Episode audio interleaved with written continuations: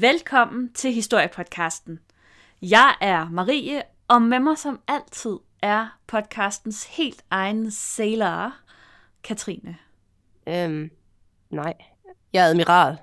Du er en fucking matros. Jeg er admiral, det ved jeg. Med korsabånd og stjerner på. Selvfølgelig. Mm-hmm. Hvad ellers? det er jul, Katrine. Det er jo vores, øh, udover røde oktober, så er det jo faktisk vores yndlingsmåned. Bortset fra alle de andre måneder. Ja. Bortset fra alle de andre måneder også. Øh, og er du ved at være klar til jul? Jeg er altid klar til jul. Ja. Jeg er aldrig ikke er klar til jul.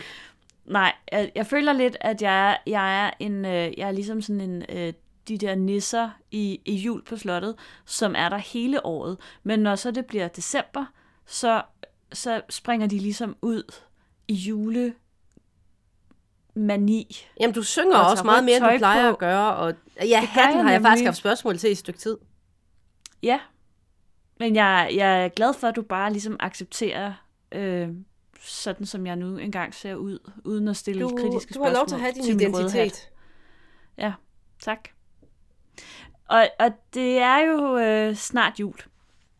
Også her i øh, podcasten. Og, og jeg tænker, hvad er bedre at hygge sig med her i juletiden, end et vaskeægte maritimt mysterium? Selvfølgelig vil du gerne have et mysterie, og gerne til søs, og gerne hvor folk dør.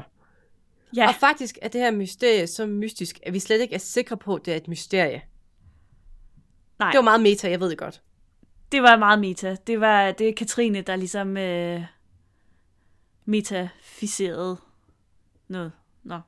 Eller, okay. Men det er faktisk en lidt julet historie, det her. Øh, den finder nemlig sted i december måned. Altså, så er det og så er det jo per julet. definition. Ja, sådan er det. Punktum. Så er det bare sådan der. Og vores historie begynder i hvert fald den 4. december 1872. Her får besætningen på det gode skib Dei Gratia nemlig øje på et andet skib, som ligger cirka 5 sømil fra dem.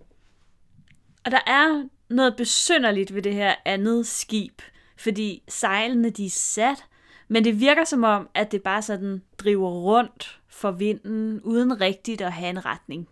Og besætningen på Dei Gratia, de observerer det her skib i nogle timer. Og i løbet af den her tid, så ser de ingen mennesker på dækket, og det er nok til, at kaptajnen beslutter sig for at undersøge serien nærmere, for det her, det er simpelthen for sært. Det er meget mærkeligt. Og så er der et øh, par søfolk, som sejler over til det her fremmede skib, og da de nærmer sig skibet, så ser de navnet, der står på siden, og det er The Mary Celeste. Og de finder skibet fuldstændig intakt, og det er sødygtigt, der er ikke noget der.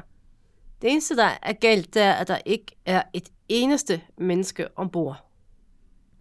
Og det er jo begyndelsen på et af de største maritime mysterier nogensinde.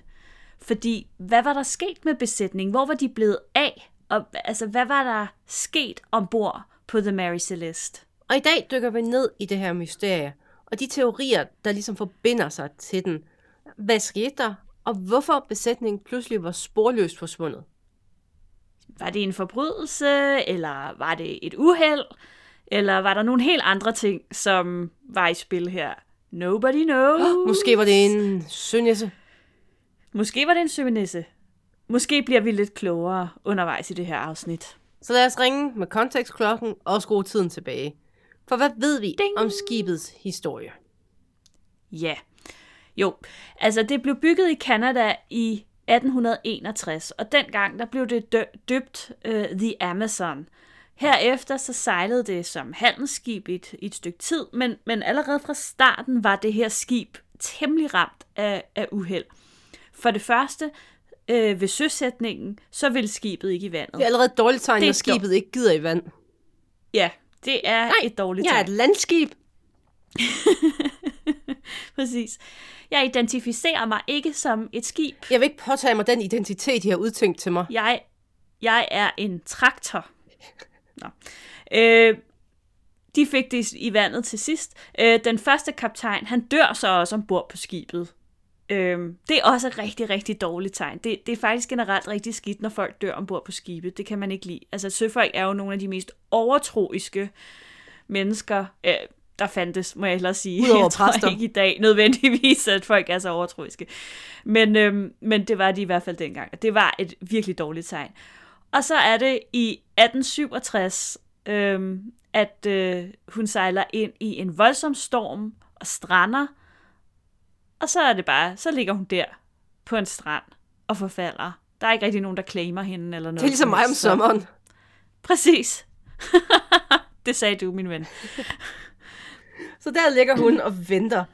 I 1868, der bliver skibet købt og repareret og omdømt til The Mary Celeste af Richard Haynes. Og man tænker, at det kan være new name, new me, at man prøver måske at vende det her dårlige held til noget godt. Det kunne man tro, men som enhver god søulk ved, så er det altså strengt forbudt at ændre et skibs navn. Fordi altså historien i dette er, at man mener, at når et skib bliver døbt, så skriver havguden Neptun navnet ind i sin lille notesbog. Og hvis man så ændrer skibets navn, så opfatter Neptun det ligesom som en personlig fornærmelse, og skibet vil være forfulgt af uheld resten af sin tid. Og året efter, der går Richard Haynes faktisk konkurs. Og er det tilfældigt? Ha, det tror vi næppe. Det er Neptuns skyld. Det er helt sikkert Neptun, der har på spil der. Og, og herefter, så er det altså også ret svært at sælge det her skib, fordi altså folk, de kender ligesom godt forhistorien, og de, de ved godt, at det her har været, det har heddet noget andet, og det har været forfulgt af uheld, og der er ikke nogen, der vil røre det her skib med en ildtang. Ej, Og så alligevel ender det jo så med, at der er sådan et konsortium, som køber det, og det lyder sådan ret øh, funky. Øh, og det, det bliver sådan et slags andelsskib i virkeligheden, hvor der så er en række personer, som hver køber en andel eller nogle aktier i det her skib. Så det bliver sådan et, et ja, et andelsskib et faktisk. deleskib. Og Et deleskib. sikkert et skib, de har købt, fordi Mary Celeste mm. var allerede lidt af en dinosaur på det her tidspunkt. Hun var et sejlskib, som sejlede midt under industrialiseringen, hvor sejlskibe de var ved at blive overhalet indenom af dammskibe, som var meget mere effektive og ikke var afhængige af vejret, som sejlskibene var. Lige præcis. Og derudover så var hun også et ret lille skib i forhold til de her nye dampskibe, og, og sejlede jo derfor også med en meget mindre last. Øh, Så, så Mary Celeste kunne slet ikke konkurrere med de her meget større skibe, som krydsede øh, Atlanterhavet, og som til med også gjorde det meget hurtigere. Så øh, præcis hvad det ligesom har været, der har gjort, at de her folk har tænkt, vi vil have det her skib, det er fedt det kan være lidt svært at forstå for en landkrabbe som mig, men det, det, det kan jo være noget med, at det bare gav mening økonomisk. Jeg ved det ikke, men who knows.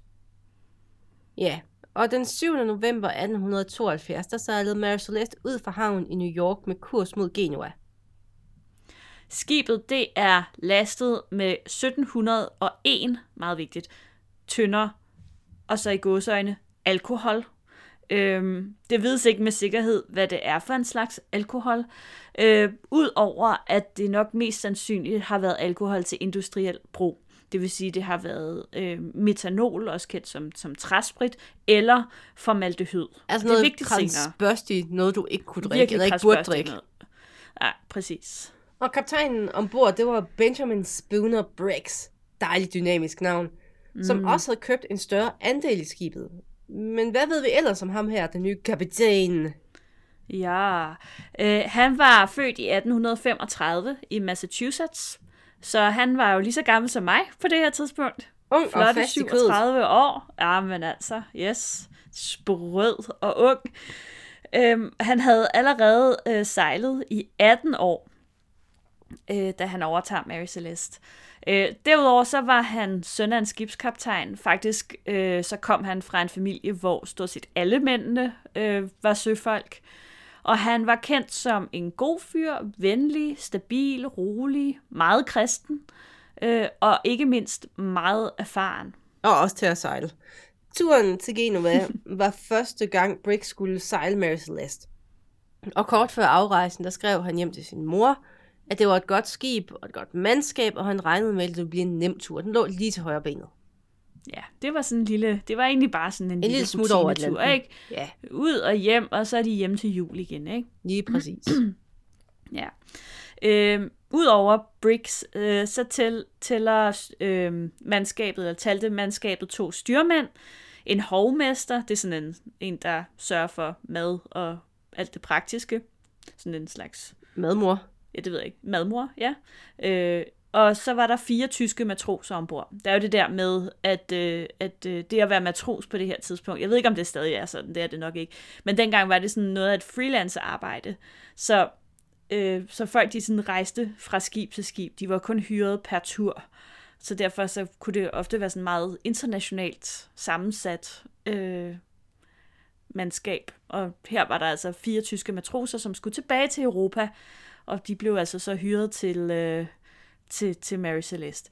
Og så var der jo så også det, at øh, Briggs, han, øh, han havde noget af sin familie med på turen. Han tog sin hustru, Sarah, med, og deres toårige datter, Sofia. Og så har de ellers sat sejl og er afsted. Og siden de sådan sejler væk fra havnen, så går der næsten en hel måned, før nogen ser The Mary Celeste igen. Og så er vi Ja. tilbage til starten af Og historien. så er vi nemlig tilbage til begyndelsen, fordi det er nemlig den 4. december, da besætningen på De Gracia får øje på skibet. Nemlig. Og kaptajnen ombord på Det Gratia, han hedder David Reed Morehouse. Og det er ham, som beslutter, at de hellere må sende nogle folk afsted for at se på det her mystiske skib. For ligesom at se, hvad, hvad delen foregår der. Og hvad finder de så, når de ankommer til skibet? Jamen altså først og fremmest, så er der jo, der er jo ikke nogen synlige skader på skibet. Øh, bevares. Der er lidt flosset sejl, øh, eller de er sådan lidt flosset i kanterne, men det er ikke nødvendigvis et tegn på noget. Altså det kan, det er bare, det kan være hvad som helst. Altså de har sejlet gennem uvejr, eller øh, måske har det sket efter, at det har drevet rundt. Ja, Atlanterhavet, det er jo et værre sted, så selvfølgelig har der måske været problemer. Ja. Og der er en ting, som mændene finder virkelig, virkelig mærkeligt. Og det er, at alle lurer til skibets lastrum, de står åbne. Og det betyder også, at der kommer vand ind i lastrummet. Men ikke nok til det bekymrende, men det er bare meget underligt, at man havde lavet de her vinduer stå åbne. Ja, det er stadig virkelig mærkeligt. Øhm, og det bliver endnu mere mystisk, for da mændene de går ned i kahytterne, der finder de besætningens tøj, deres udstyr, deres ejendele.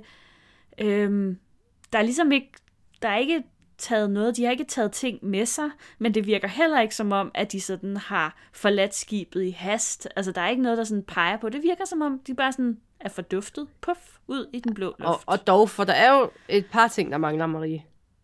Ja, jo, det er rigtigt. Altså, de finder jo ikke nogen redningsbåd på skibet. Øhm, men det vides faktisk ikke med sikkerhed på det her tidspunkt, om der overhovedet sådan har været en redningsbåd Ja, fordi det vi glemmer redningsbåd, det var jo ofte til ting. Det var transportbåd til at få ting til og fra havn. Det var faktisk ikke til at redde mennesker.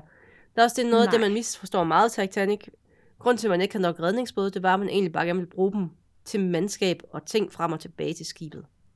Ja, Fun og fact. det er også derfor, altså man skal jo sådan set, når man, når man tænker på sådan en redningsbåd af nu 1872, så skal man jo se de her redningsbåde for sig, som vi kender fra Titanic også. En robåd. Og det er jo nogle, en robåd, en åben robåd. Og held og lykke med at hoppe Øhm. ud fra et skib i stormvejr i en robåd. Ja, Altså, præcis. det, du får måske 5 minutter, inden du bliver smadret ned i havet. Atlanterhavet er jo, som sagt, det er et en- vildt sted. det, det, det har det ret vildt. Så det med at Ja. hoppe i en redningsbåd er ved Gud ikke en redning, fordi at du, der var heller- ikke noget redningssignalsystem. Så kunne du hoppe der, og så kunne du håbe, at nogen Nej. så dig, hvis du overlevede. Ja, præcis. Altså, der er, det, det, vi vender lidt tilbage til det, øh, men, men det er helt sikkert øh, ikke, øh, det er virkelig, virkelig, virkelig aller, aller, aller sidste udvej. Altså, hvis skibet er ved at synke, at man hopper i redningsbåden.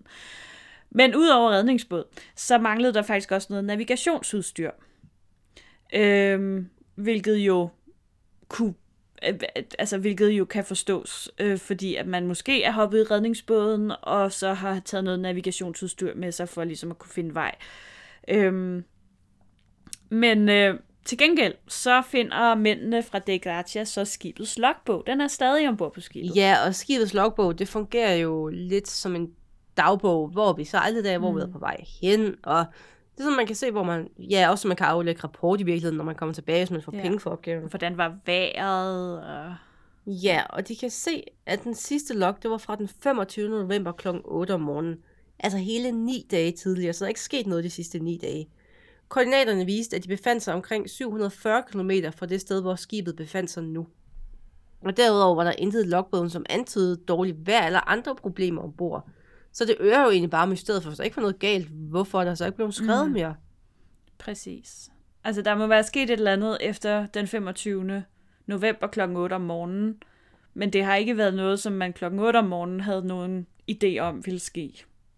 Fordi det, så ville de have skrevet det i logbogen. Lige præcis. Ja. Og de her mænd fra De Gracia, de vender så tilbage til deres eget skib, og de er meget forvirrede over, hvad det er, de har fundet. Men umiddelbart, øh, så ser de øh, så ser de det ikke som sådan et spøgelsesskib øh, med en eller anden tragisk begivenhed, der har fundet sted. Nej, de øh, ser noget lidt andet. De har nemlig dollartegn i øjnene. Kaching, fordi der er noget på det her tidspunkt, der hedder Bjerglund. Og det var en big deal på det her tidspunkt, når man var sømand. Oh yeah. Alle, de kan gøre krav på forladte, havarerede eller ødelagte skibe, hvis de finder dem, øh, og hvis de kan få dem i havn. Øhm, og her fastsætter en maritim ret så en bjergeløn baseret på skibets værdi. Og den her bjergeløn, den skal skibets ejere så udbetale, øh, ellers får de ikke skibet tilbage. Så det er sådan lidt en gisseltagning ja. af et havareret skib. Så Morehouse, han lavede nogle af sine mænd sejle Mary Celeste til den nærmeste havn, og det er så Gibraltar. Gibraltar. Gibraltar. Gibraltar. Ja. Øh, men hov, øh, er der slet ikke nogen, der ligesom overvejer at lede efter besætningen? Altså nu har de jo konstateret, at redningsbåden ligesom er væk. Ha! Man ved det ikke med sikkerhed. Mange år efter sin død, der fortalte Morehouse ikke, at han var sejlet ud for at lede efter redningsbåden. Båden. Men Morehouse har nævnt det ikke selv ved høringen, hvilket er lidt underligt. Så de fleste mm. tror faktisk ikke, han ledte efter dem. De tror bare, at konen, hun sådan i, i efter, i enkestandens lys tænkte, mm. var sådan, han var en engel. Selvfølgelig sejlede ja, han ud. Selvfølgelig, red, selvfølgelig forsøgte han at lede efter dem. Ja. ja. Nå, men øh, det tager Morehouse og Company omkring en uge at komme fra fundstedet til Gibraltar. Øh, og fordi det passer sådan perfekt ind i, i temaet for den her historie, så ankommer de selvfølgelig fredag den 13. december. Selvfølgelig. Men hvis de nu havde troet, at det ville være easy peasy at få en bjerglund for det her, så kunne de godt tro om. De havde også troet, at de var rige inden juleaften. Men nej, nej. Ja. Ej, fordi man kommer ikke bare anstigende med et sødygtigt skib med intakt last, men en sporløs forsvunden besætning, uden at der er nogen, der løfter et øjenbryn. Der bliver nemlig i gang sat en høring, og lad os bare sige, at man finder Morehouse og hans besætnings fortælling meget mistænkelig. Men man kan heller ikke rigtig bevise, at de har gjort noget. Det er ret irriterende. Det er det. Så det hele det ender faktisk med, at Morehouse og besætningen de får bjergelønnen for Mary Celeste. Men den er meget mindre, end de havde håbet på. Og det afspejler nok i virkeligheden, at, at retten øh, mistænker, at de nok ved mere, end de fortæller. Og inden vi kaster os over de mm, spicy teorier om, hvad der skete med Mary Celeste besætning, hvad skete der så med skibet? Fordi det har man jo. Det har man, ja. Øh, jamen altså, det er jo som sagt, altså ejerne, de skal udbetale den her bjergløn for at, at få det tilbage, og det var jo den her, øh, det her konsortium i, i New York. Og det gør de, og de får også øh, skibet tilbage. Og de tænker så, ah, vi, vi prøver at sælge det. Øh, men det øh, var meget, meget svært at sælge det, og det tog meget, meget lang tid. Øh, og da det så endelig lykkedes at få Mary Celeste solgt, så går der ikke særlig mange år, før den nye ejer sejler det ind i et rev. Øh. Og skibet havarerer og synker. Og man, man, man ved faktisk, altså der er stadig folk, der leder efter Mary Celeste, selvfølgelig, fordi det her er jo en af de bedste historier øh, til House nogensinde. Øhm, og, øh, og man har stadig ikke fundet det sted, hvor at det sank. Så. Men det forsvandt. skibet sejlede jo ikke ud af historien. Fordi efterfølgende, der voksede der mange, mange teorier om, hvad der egentlig måske var sket på den her skæbesvanger rejse. Ja, og dem skal vi jo snakke om nu. Ja! Og vi har fundet nogle af de mest sådan, gængse teorier frem. At det var krakken, der kom og tog den. Den der kæmpe blæksprutte, der bare kom ned fra og hapsede den. Mm, nej. Det var rumvæsner. Ancient Aliens. Mm, nej. Bermuda-trekrinten. Ved Azorerne? Ja, det var havfruer. det var aggressive sæler. aggressive sæler. Voldsparate Atlanterhavssæler. Jeg vil, jeg vil ikke udelukke, at det var aggressive, voldsparate Atlanterhavssæler. Men, men jeg tror, jeg, altså det, det, nej. Så kom der med dine kedelige, ikke... Der er ingen grund til, at de er der beviser og teorier. Ja. Okay. Jamen, øhm, det gør jeg så. Det er typisk mig, der får. ja. Mig, der er den kedelige altid. Øh, teori nummer et. Kaptajn Morehouse og hans besætning stod bag tragedien på The Mary Celeste. Altså, det, det giver jo god mening, når man på Gibraltar jo ikke har stadig stor fidus til Morehouse og kompagni. Altså, det virker Ja. virkelig, de virker virkelig ikke begejstrede for dem. Overhovedet ikke. Altså, de kommer jo med et, som vi skrev før, et fuldstændig sødygtigt skib, der er ikke, altså det, det ser hverken ødelagt eller havareret ud. Øh, det er fuldt lastet, men besætningen er bare sporløst forsvundet. Og derudover så blev det anslået, at Mary Celeste havde en værdi af ca. 300.000 danske nutidskroner. Så de stod jo egentlig til et ret stort pengebeløb, så allerede der så er det jo lidt tillokkende. Det er lidt fishy. Det var mange penge dengang. Og det var rigtig mange penge. Øhm, anklageren i søretten i Gibraltar, han er også overbevist om, at Morehouse og hans besætning har slået kaptajn Briggs og hans hustru, datter og hele besætningen ihjel, og så har de stjålet skibet simpelthen. Men man kan bare ikke rigtig bevise noget. Det er jo problemet i en retsstat. Hvis du ikke kan bevise, mm. folk er skyldige, så er man jo lidt på den. Ja. Men et svær ombord på skibet har måske, måske ikke blodpletter på sig. Måske var det rust. Det blev aldrig opklaret. Så der, igen, Nej, når man ikke har en Altså, man har retsmediciner, jo der lige ikke- kan swipe den og sige, øh, det er menneskeblod. det er, det er blod, ja, nej. Så den, øh, der er altså ikke noget, der kan bevises, men mistanken om, at Morehouse og hans besætning ved mere, øh, end de har sagt ved søretten, og måske, måske ikke stod bag øh, Briggs og besætningens forsvinding, forsvinden. Øh, den klæber altså til dem resten af livet. Altså, det kan bare, igen, ikke bevises. Nej. En anden præcis. teori, man har, og igen, mega kedelig, slår ikke kæmpe blæksprutten, det er forsikringssvindel. Gab. ja, ja. Ja, jeg ved godt, det, det er også en lidt kedelig teori. Det vil jeg godt medgive. Kraken er sjovere. Men, øhm, men den her teori, den opstår flere år efter, øh, da en mand pludselig står frem og fortæller, at kaptajn Briggs, han planlagde forsikringssvindel sammen med Morehouse, altså øh, kaptajnen på De Gracia. Motivationen skulle være, at Captain Briggs, han gerne ville droppe livet på havet. Han er ligesom, han tænkte, det her det er ret steneren. Han kommer fra en søfarende familie, han tænker, nej, gider ikke. Jeg har fået nok. Og de her forsikringspenge fra Mary Celeste, de vil hjælpe ham og hans familie godt på vej til et nyt liv, hvor han ikke skulle sejle frem og tilbage. Og det hele det skulle altså være et planlagt forsvindingsnummer, øhm, som Morehouse selvfølgelig kendte til. Øhm, og øh, der var faktisk en lille, en lille sidebemærkning, apropos hende her, Morehouses enke, som jo mange, mange år efter går ud og fortæller en hel masse ting, som aldrig havde været fremme før. Øhm, så, øh, så fortæller hun også, at Briggs og Morehouse havde spist middag sammen, dagen inden The Mary Celeste var sejlet ud. Dam, dam. Men igen Dum. er det også sådan et, Men jeg tror bare ikke, kan vi hun er den mest på, hvad den her enke kilde. siger? Altså, vi ved det ikke, om det er rigtigt. Hun slår mig ikke som en troværdig kilde. Nej, det gør hun ikke. Men hvis det hele var planlagt, Marie, Mhm. mm-hmm. så manglede ægteparret ligesom at tage deres søn med, som de havde efterladt. Ja. Det kan selvfølgelig være, at det var de ham, de flygtede fra. det kan være.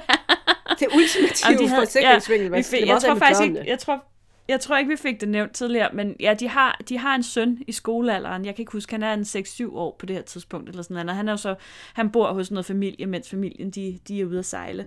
Altså, det er jo... Ham ville de vel have taget med. Med mindre han altså. var virkelig træls. Ja, det kan godt være. Men Det kan ikke det er jo fint nok, at ægteparret er med på den. Men der er også den her besætning af en hovmester og fire tyskere. Ja, hvad med dem? Hvad skete der med dem? Øh, Ja. spørgsmålstegn. Nobody knows. Nå, men øh, teori nummer tre, det var mytteri. Ej, det lyder lidt sjovere.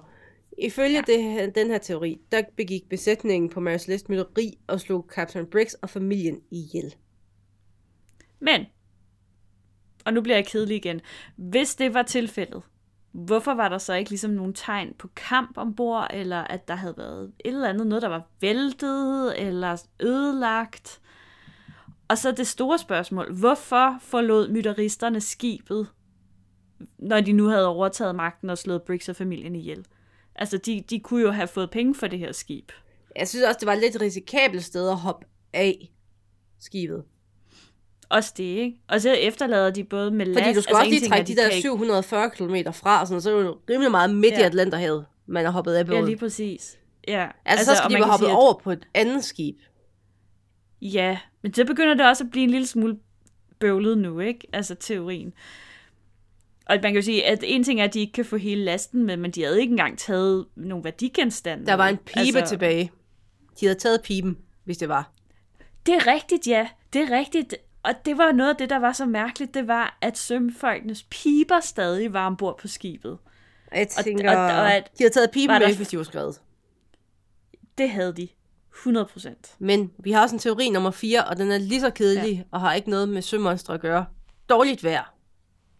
Ja, dårligt vejr.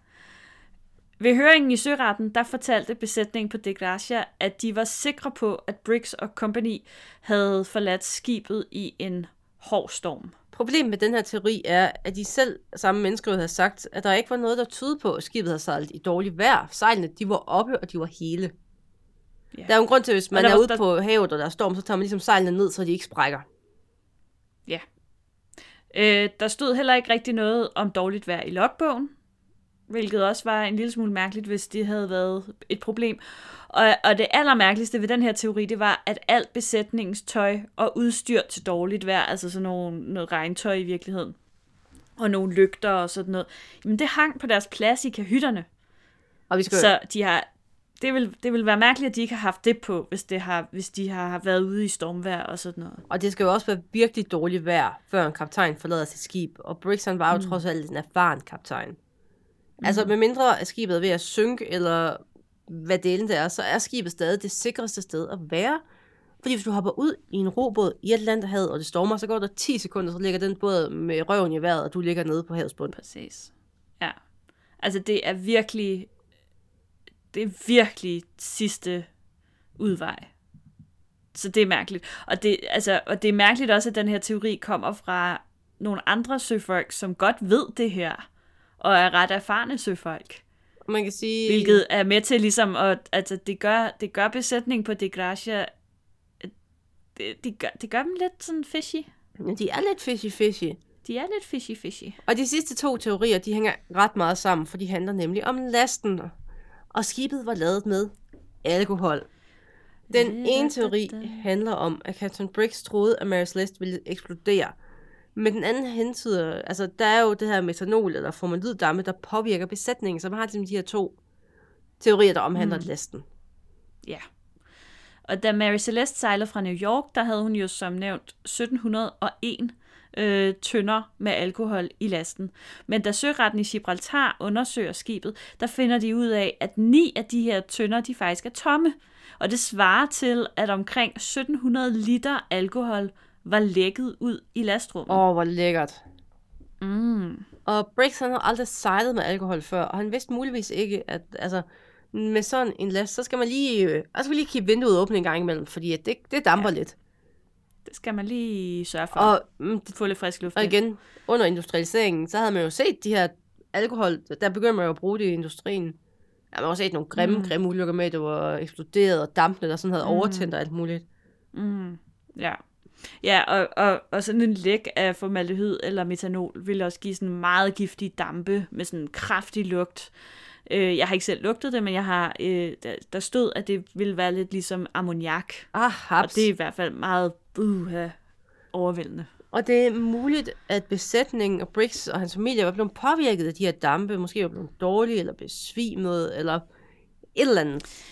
Ja, det er også sandsynligt, at den her kraftige lugt kan have skabt bekymring for eksplosion. Altså nu, som du også selv nævnte, det havde man flere eksempler på, kunne øh, være sket, og altså, der kunne være en lille gnist, som fik hele skibet til at springe i luften. Altså, jeg tror måske, at det er derfor, man har valgt at sejle med Mary Briggs-skibet i stedet for et dampskib.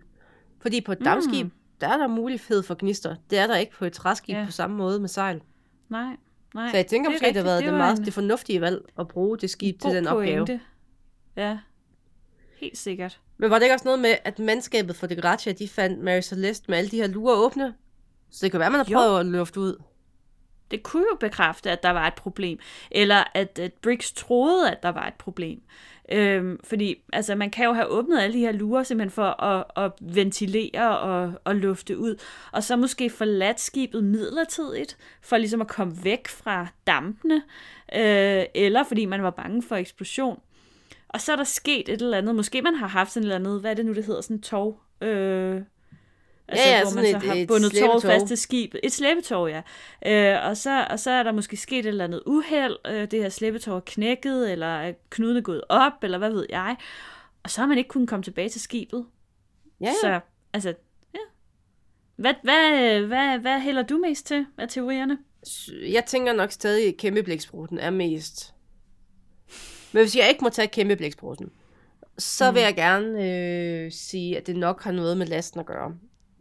Jeg Ja. tror, at man har tænkt, det lugter underligt det her. Man har hørt, hvad der er sket inde i byerne, og man tænkt, jeg tror lige, at vi øh, tager en par autopilot et stykke tid og sidder herude og lufter, og så har en af tyskerne, jeg tænker, han har heddet Hans. Hans, han har ikke bundet en ordentlig knude på den her båd, og lige pludselig, bum, skibet fulde sejl fremad, båden hopper af, man kan ikke ro så hurtigt, man bliver efterladt, man håber på det bedste, det bedste sker ikke. Nej, man er væk ude på Atlanten. Ja, man kan bare se det, den der lille plet bliver længere og længere væk, og så bare, "Åh." Ja, ja. Øh, Det, jeg må indrømme, at jeg, jeg hælder nok også mest til, at det er det, der er sket. Øhm, og på den måde kan man jo sige, at, at så er det jo ikke det store mysterium længere. Øh, så er Mary Celeste jo ikke sådan et spøgelsesskib. Det, det- jeg tror også, at det er simpelthen... Og man kan sige, at, at eftersom at Briggs jo havde hustru og, og datter med Så har han nok ikke været så ombord, risikovillig. Øh, nej, altså han har nok øh, været en lille smule mere øh, sippet øh, mm. med, med, med sikkerheden, tænker jeg, i forhold til, hvis han, de ikke havde været med. Øhm, så så det, er, det er muligt. Man kan jo sige, at, at man kan måske undre sig over, hvorfor der ikke bare var en af dem, der ligesom blev ombord på skibet, for ligesom at sørge for, at der var måske bare ikke nogen, der ville melde sig frivilligt, hvis nu Nej. skibet det var ved at springe i luften, men ja, det ved jeg ikke. Men jeg, jeg kan heller ikke helt lade være med at tænke på, at der er noget fishy med den besætning fra De Gracia. Nej, de virker altså også lidt øh, luskede. Altså, når alle siger, at det virker som om, de ved mere, end de siger, så ved de måske mere, end de siger. Men det kan jo godt være, at det er bare fordi, de rent faktisk, måske, fa- måske fandt de faktisk besætningen Ja. i redningsbåden. Måske hjalp Ja, de ja, og så kan det bare være, at de har sagt farveler. Ja, Ja, sjovt. det kan jo godt være. Spøjst. Det var, øh, det var mysteriet om Mary Celeste. Mysteriet, der måske var et mysterie, som ikke var et mysterie. ja, Eller det er ikke et mysterie, som er et mysterie i mysteriet. ja, Spændende. øh, okay. Næste gang, der skal vi, øh, der er vi jo tæt på jul. Og Marie, ja. vi har haft en, øh, en lover ude i, i verden. Et år. Vi skal snakke om Disney vi igen. virkelig. Vi skal snakke om Disney igen. Glædelig jul. Endelig kommer sammen. Disney nummer to. Den svære Åh, tor. Merry Christmas! Ja, den svære tor. Marie, Ja. med de ord, Ja. tak fordi I lyttede med.